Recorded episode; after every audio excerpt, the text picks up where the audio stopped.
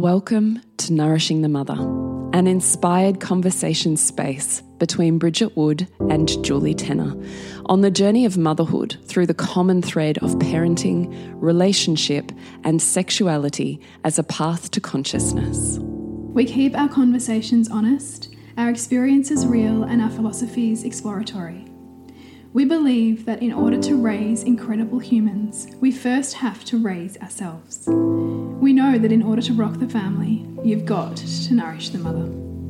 If you are here, you care about paving a path of conscious and intentional motherhood connected with yourself and your gifts, and also illuminating your children in theirs so we may raise more whole humans who can impact this world in a more humane way. If you desire to integrate your learnings practically and supportively, head on over to bridgetwood.life or julietenner.love to go deeper. And for all live streamed, pre release podcasts and all our free content, head over to our free Facebook group, Nourishing the Mother with Bridget Wood and Julie Tenner. We are Julie Tenner and Bridget Wood, and we are so grateful you're here. Hello, and welcome to Nourishing the Mother. I'm Bridget Wood. And I'm Julie Tenner. And today's podcast is our top four go tos for when we find ourselves in a collapse. Mm. So perhaps we should begin with what we mean by collapse. Yes. What is, what is, yeah. I consider collapse almost like a nervous system state or like a um, a parasympathetic or a sympathetic response in our nervous system where we just completely drop our bundle, like we've lost capacity to even move forward. We think that our world is falling in. We feel like the ground's going to swallow us up. Like we're just lethargic. We can't move, right? Like we're just, yeah. we've almost lost our capacity. Yes, and often are caving in on ourselves. So it can mm. become our worst enemy, start like picking at ourselves or beating ourselves black and blue from the inside. Yeah, or even like I had one recently, like even when you shock yourself about what you think about yourself or mm. towards yourself, and then you go, Whoa, okay, what like what's this? Why am I here? Yeah, right. no one's meaner than the mean girl inside your head. Yeah. And this is super relevant as mothers to talk about because we, you know, espouse the virtues of holding space for our children and communities and all of these things, right? But we can't do that if we can't hold ourselves. Yeah, totally. So we need to you know practice what what the tools are and what the go-to's are for those times when we're in a collapse and you know, some some of you, you know, may have experienced a number of you know tragedies or, other challenges that have have put you there. And and maybe we're not necessarily speaking to things to that degree although i'm sure julie you have you know experiences of, of that and you know perhaps with losing your dad. But we're talking about that every day like when you feel like you can't climb out mm. from underneath what you're carrying Totally. That's a beautiful explanation. Yeah. So, do you want to start or do you want yeah. To yeah, yeah, I'll give it a go. All right, you go. So, number one for me, when I'm noticing that I'm in this place, is I ask myself, what can I anchor onto? Like, what can I anchor to? Mm -hmm. When I'm in this swirl and I don't know, you know, up from down, when I don't know kind of night from day, what can I look to that feels solid? Or if I'm noticing that I'm emotionally oscillating, or even the littlest things from in my children are bothering me or triggering me, it's to actually orient to the space that I'm in. So, looking at the walls and the corners of the walls and feeling where my body is in that space is really powerful as a practice to then get yourself out of tunnel vision because yeah. you can see yourself in a space with space around you and that gives you perspective. Yeah. So that's a key one for me. I really love that one just because what i hear in that is like a version of proprioception right? Like it's a way of working with we recognize that when our body is in a state of um, trauma responsiveness, trauma being big T and little t, right? We're not here to play the Trauma Olympics, just we're having an experience mm. that we don't feel on top of or necessarily choosing or in control of. It feels like we're getting dumped by the wave or that we're thrashed around in it, mm. right? So whenever we're there, we're either in the past or in the future, we're certainly not in the present. Yes. Yeah. Right. And so in in in actually like recognizing that, we further reinforce the fact that we're not in the present by being able to get ourselves there. And getting ourselves there is going, oh, I see where I am in this room. Exactly. And in seeing where I am in this room and seeing like this this mm-hmm. place that's holding me, I can like almost outsource a little bit of safety in that. Yeah. Oh, yeah. And highly underrated mm. highly underrated, both personally and professionally. In fact, I just, every time I think of this, I have a flashback to this birth that I was at. And this particular woman that I was with had an incredibly traumatic first birth that had sat upon, she was a, um, person in the medical world herself. So had sat upon some horrific experiences that she had witnessed. And then the mm. trauma of those had carried into her first birth and she almost replayed them. So she was here with me in the second birth looking for a healing experience.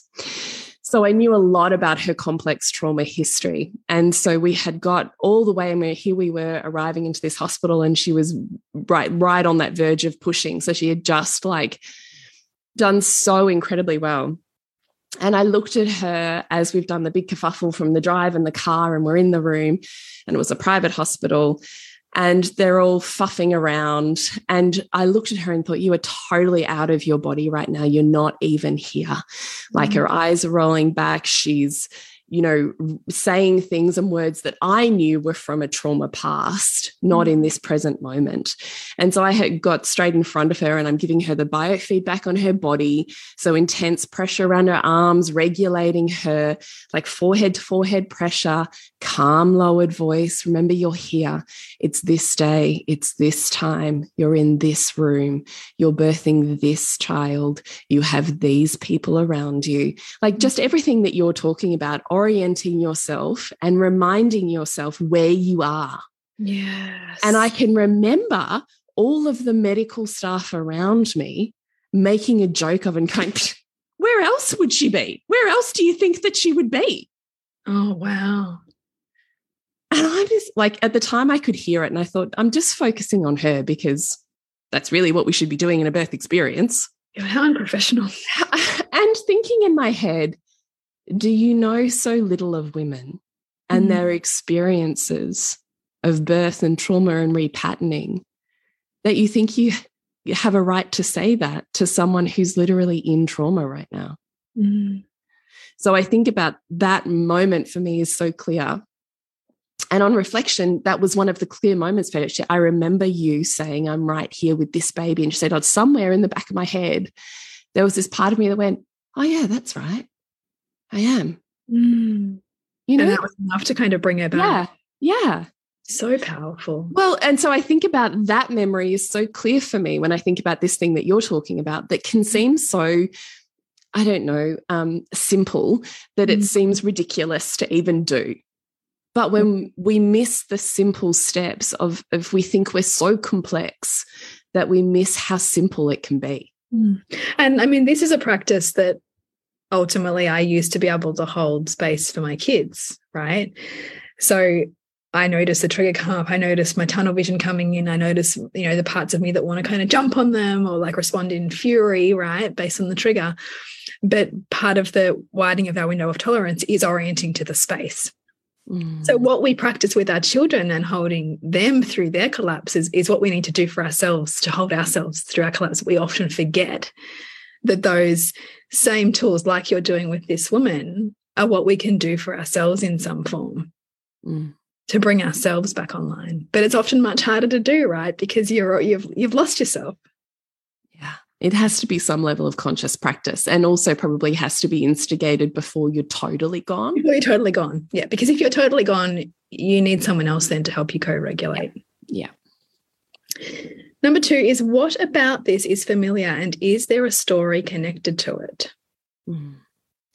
So this is based on the premise that all human behavior is patterned and that we all run various patterns that are both helpful and unhelpful in our lives. And when we're in collapse, it's not just because of this moment. There will be a collection of moments typically that will be, you know, in our back pocket or, you know, in some part of our brain that this is plugging into that is like, oh, this is what we do here. You know i i will regress you back to what you know how to do in these moments. And so this is what we're going to do. We're just going to stop. We're going to feel like we can't move. We're going to feel like you know woe is me. We're going to feel like you know descend into blame or shame or whatever it is that we've got as a tool currently. And so i would ask myself what does this remind me of? Yeah.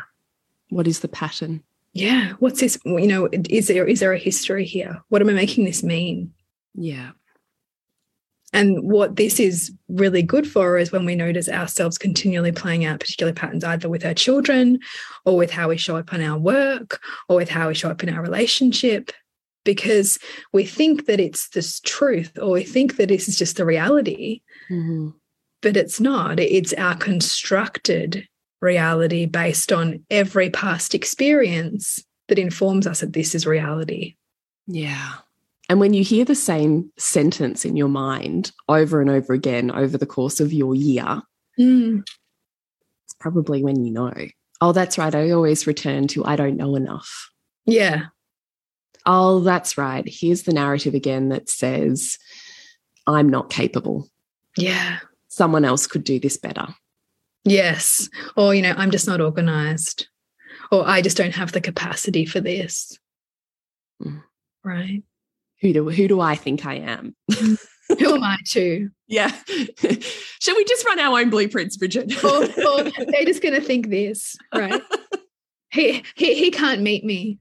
Yeah, but how curious is it when you see it? Like sometimes you don't even have to have the answer. Like I don't always have the answer. But there's a part of me that goes, oh, oh the fuck are here we are again. Here again. Oh, done here. no, I actually don't think you need to have the answer because I think actually the question is enough to stop you in your tracks. Mm. Because the question, even in and of itself, asking it, you've you've put the brakes on the freight train. Mm and you you then all you've kind of almost like then magically created a fork in the in the track where you then get a choice. But until you've asked the question and become aware, oh, this is this, like you've made the unconscious conscious. Mm. What you do with that is is how is based on how well supported you feel and if there's enough benefits for you to take the next step that's on a different train track. But the question in and of, in of itself is so powerful. Mm. Mm. Number three is Is there a boundary that I've missed? Mm. Boundary meaning is there a, a, boundary that I could have put in place around myself or my time or you know my limits that I didn't listen to? Because if we consider, I really like the definition by Lisa Dion, which is the boundary is the place where I'm about to lose myself. So if I've completely lost myself, then where was that point where I had myself? And why did I lose myself? You know, did I completely lose myself in the judgment, in someone else's judgment of me? Mm. Did I completely lose myself in saying yes over and over again to my child when actually authentically I was a no, but I was shooting on myself because, you know, I want to be a better mother than my mother ever was to me. Or i'm going to you know make the best of this. If, if this is where i am in my life i'm going to just make this the best of it. So i'm just going to do more and give more and stretch myself more and more and more to the point where I, i've kind of arrived here and gone what happened to me right i've been living as a shell of myself thinking that i need to be this particular way as a mother and that only I can only be a good mother if I do say, be, have XYZ that that I now don't even know myself anymore, and I resent everybody around me. Hmm. It's some other wound, right? Totes. Yeah. Number four, move in some way. Mm. Anyway, Because when we move our body, we move our brain and our mind and we can shift out of things. Also, I mean, you can move your body or you can move your mind. You can move your mind by asking different questions. You can move your mind by asking yourself, what agency do I have here? Mm. Right? Because often a collapse comes as a, as a result of plunging into an unknown. Right? It feels like a threat because we're in an unknown. So, part of finding safety is what about this can I make known? Mm. Love it. And also, what influence do I have over this? Because if I have no influence over this, you know, if it's a much bigger thing than me and I can't influence the outcome of it, like if, if you imagine people at the moment who might be struggling with cost of living or whatever it is, mm. if that's something bigger than me and I am coping by railing against it, instead of asking, what agency do I have here? Then I'm going to keep finding myself in collapse. In, but if I ask the question, what agency do I have here? And I look at all of the ways in which I actually do have influence, then I can act from a more governed place. Mm. And when we're more governed, we're not in collapse because we have a sense of agency. We're not we're not emotionally oscillating based on you know forces outside of ourselves hmm. those are my four. Oh, love it i just love listening to you actually oh thanks you know, whenever we do this, and then I have to like take a hot minute to like snap out of it and go, recalibrate. Hang on a minute. it's like uh, uh, I'm like online. I'm like that when you tell a story. I'm like, oh yeah, what what are we doing again? wonderful is that? Like, just, I mean, that is the power of women sharing stories, right? Yeah. How we find meet ourselves, ourselves, meet ourselves, go on a story, a journey into our subconscious, all happening just in the process of us being willing to share an experience of our own lives. Like, it's magic. yeah, it is magic. I love mm. it. This episode is brought to you by our current offerings we have out in the world. So, for me, Bridget, it is Disrupt Revealing the Mother Wound. So, it is a beautiful container of women coming together to transform the imprints that we have, have and carry around our own mother and the broader motherhood as a social construct so that we have a lot more agency and free will in how we show up as mothers. So, find out more at bridgetwood.life. And if you would love to dive into opening your feminine energy, then I have a beautiful nine days of super simple shifts to change your life and your relationship to your own fem or feminine energy. Starting August 10, it's nine days, nine lives, which you can join live or catch the replays of. And it's called Seen, Felt, Known Feminine Energy 101. And you can find out more at julietenner.love forward slash seen. All right. So when I'm in a collapse, here are the four things that I go to. Number one, and I'm hitting up hard to begin with because it has been the biggest learning for me.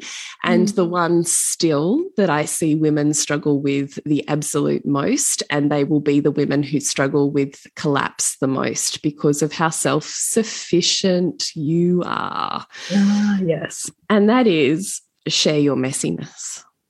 Don't mm. have it fucking fixed don't have the answer, don't have the solution, just have the problem and share it with mm-hmm. someone. A problem shared is a problem halved. Right. right right and so i meet all these beautiful women who have constructed these lives where they are totally ceo of family kids food work whatever else it is that they're ceo of and they have this partner who there's the, all this weird guilty shamey stuff about asking them to you know do the run to soccer or the run to footy or the can you take the child to this? as if it's babysitting.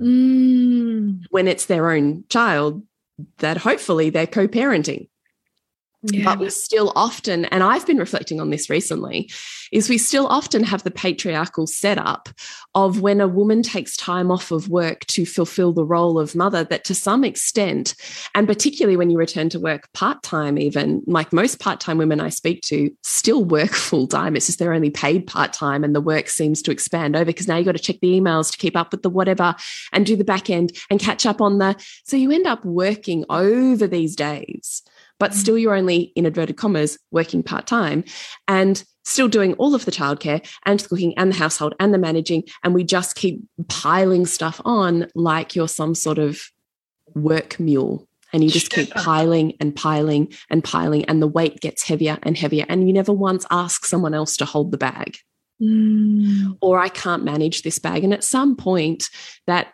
straw breaks the camel's back, right? You can't carry anymore up to a certain point. And it can be the littlest thing, right? Right, because it's not the thing. Mm. It's the fact that instead of going, oh, well, I'm working more, which means I need to let go of some of this stuff and we have to work this out together. Our life is now up for negotiation.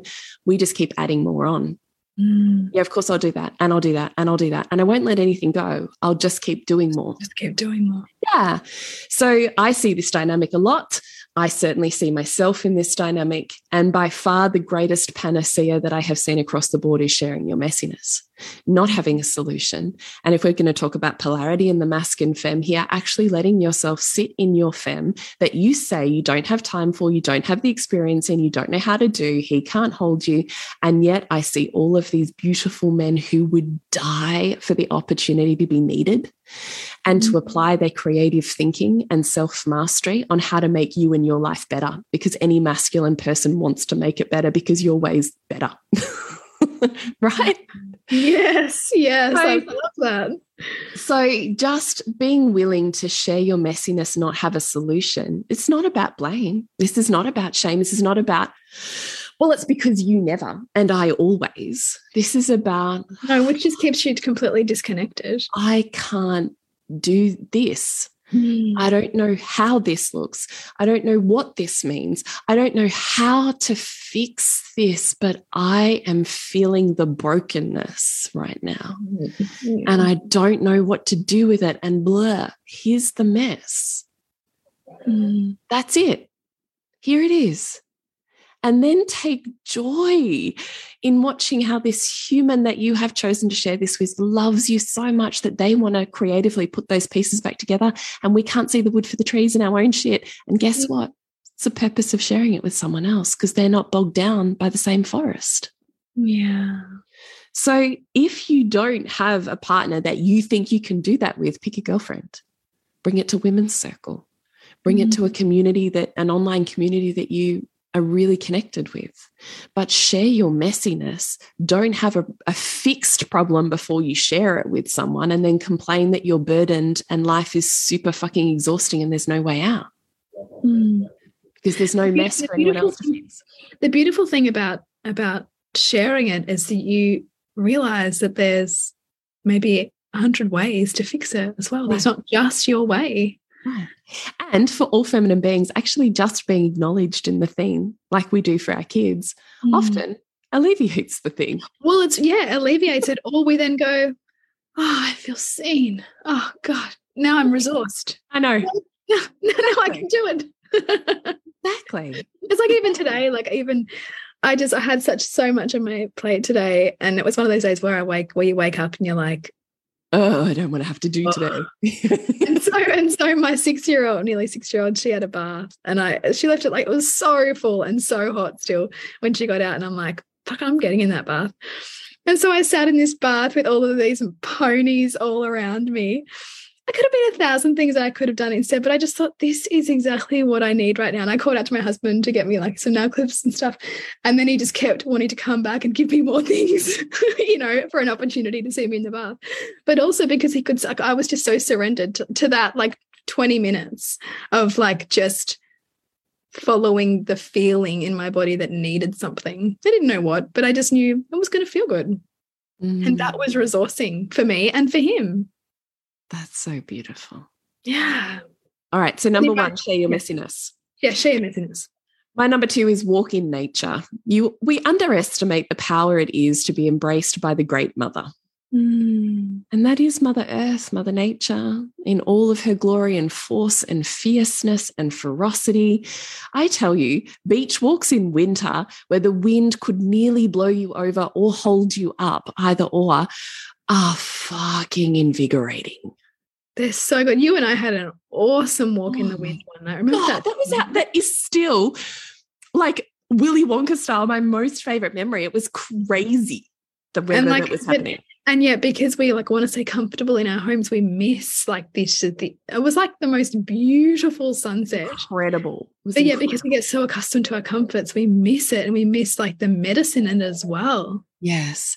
So just walk out in nature, walk through a forest, walk down a beach, walk through a stream. I don't care what you do, but go be embraced by Mother Nature and you watch how it transforms your beingness and again mm-hmm. alleviates what it is that you've been collapsing on. All of a sudden, you're like, oh, I have all of these answers that I didn't have if I'd stayed home bogged in hard work and sameness. And like looking at everything that's not done, right? Or that I'm be revitalized by the great feminine, and you will find a whole heap of creativity and spaciousness floods your body. So go Mm. walk out in nature. Then I have a mum one, which is always my go to because I have always had intense little people. And that is a massive increase in sensory playstations. so Mm. the second I can see myself starting to do a descent or a tip over the edge, and I can feel I don't have that just joy for being here and being a mother, and I'm starting to tip, I'm like, right, what is the shit that I can set up here that gives you tenfold sensory feedback and gives me more space? Because Yeah. it allows you to be immersed and receive all of this bioregulation from Mm. someone who's not me. Yes, that's so good. So I always have Pinterest boards. I always have Instagram pages and posts saved because what can I do? Cook up some spaghetti, throw it in some, you know, a dish with some jelly, and I just keep that stuff in my pantry all the time. Great. I'm going to make that the night before because I can feel myself dipping before I get my period or something. That's going to be tomorrow's play. Can I Yeah. color ice cubes? And now we've got ice cube playing. I have frozen water in, um, you know, ice cube, I, you know, ice cream containers and filled it with toys that they can, you know, chip out of Chip out, such a good one. or whatever. Yeah. Um, you know, I've have put out reams of paper just from like the recycle shop or whatever down the entire length of our backyard and they walk paint and roll paint through it. Get mm. scissors and cut the grass and cut flowers. Get in a bath like Bridget did.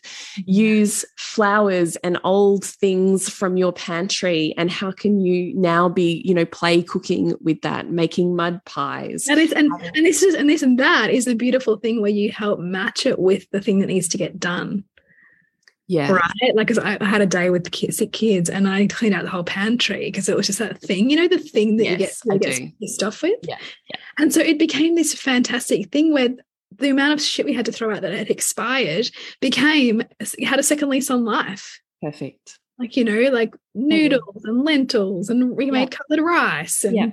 so yeah, 100%. But if I'm doing that stuff and I'm on a collapse, it's not happening inside my house, ladies. It is happening Yes, outside where I do not give a shit. and it's not more mess I have to clean up. Yeah, you can take that outside It's totally fine to cut yourself some parenting slack and Mm. be like, how can I get, you know, that's 20 minutes of pasta play. Oh, there's another 20 minutes of outdoor paint play. There's another 20 minutes while you have a shower and you clean off from the paint play. Mm. And I can do periods of that where I just get to relax my nervous system. They're being fulfilled by their own sensory experience, regulation, and self play, imagination. That's a good day.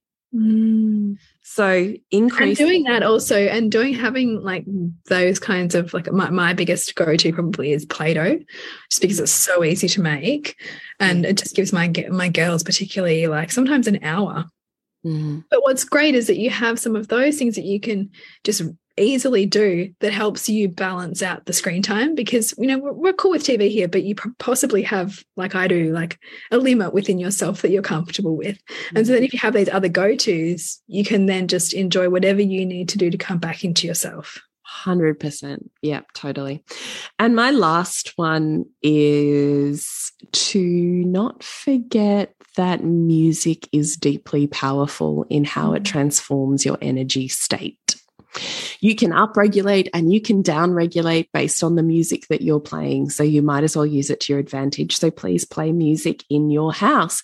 Even if you're someone who, who has sensory overload, what is the vibration? What is the music? What is the energy? Do you need downregulation rather than upregulation music? Mm -hmm. But how can you play music that allows your body a vibration that it can match and be soothed by or increase space by? Mm. And the only other one I'm going to pin into that as a side note is do get off social media and down regulation that's gone so far. You're now in blob time. Yeah, yeah where yeah. you've switched off and you vacated the premise because mm. that is not helping you in collapse at all. Well, it's usually reinforcing it because when you're in in collapse, you're so much well, you're not you're not self-governed when you're in collapse. So then you are so wide open for influence and comparison. Yes.